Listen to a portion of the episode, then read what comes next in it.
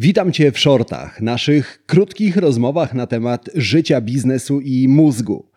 To jest odcinek 25, a dziś porozmawiamy sobie o tym, czym tak naprawdę jest Twoja marka i co może dla Ciebie zrobić.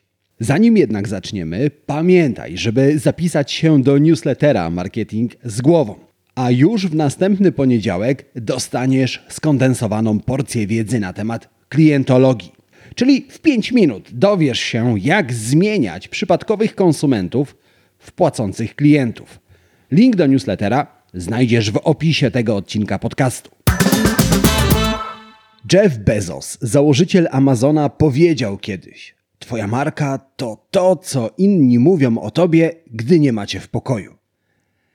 Sam nie ująłbym tego lepiej, ale że nie mam nic lepszego do roboty, to spróbuję.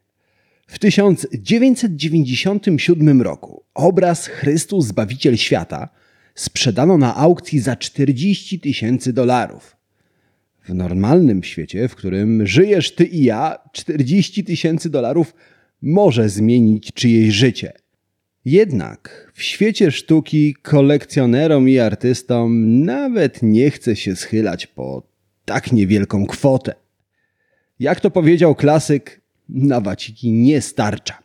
Czy to oznacza, że obraz Chrystus Zbawiciel Świata był kiepski? No nie do końca. Po zaledwie 8 lat później to samo zamalowane płótno trafiło na kolejną aukcję. Tym razem jednak obraz zmienił właściciela, uwaga, za 400 milionów dolarów. Nie, nie pomyliłem się. Wartość obrazu w ciągu kilku lat wzrosła z 40 tysięcy dolarów do 400 milionów. Niezły zwrot z inwestycji, prawda? Aż się zastanawiam, po co w ogóle nagrywam ten cały podcast. Chyba czas zająć się sztuką. Wróćmy jednak do sedna. Skąd taka różnica w cenie obrazu? Czy obraz odnowiono? Czy doczekał się nowej złotej ramy? Nic z tych rzeczy. Coś innego wydarzyło się między rokiem 1997 a 2005. Do roku 1997 uważano, że autorem obrazu jest jeden z wielu niezbyt utalentowanych uczniów Leonarda da Vinciego. Badania przeprowadzone po roku 1997 dowiodły, że autorem malowidła jest jednak sam Da Vinci. Poza tą informacją w obrazie nic się nie zmieniło. Powiedziałbym nawet, że zdążył się bardziej zużyć. Jednak to odkrycie sprawiło, że wartość obrazu zmieniła się.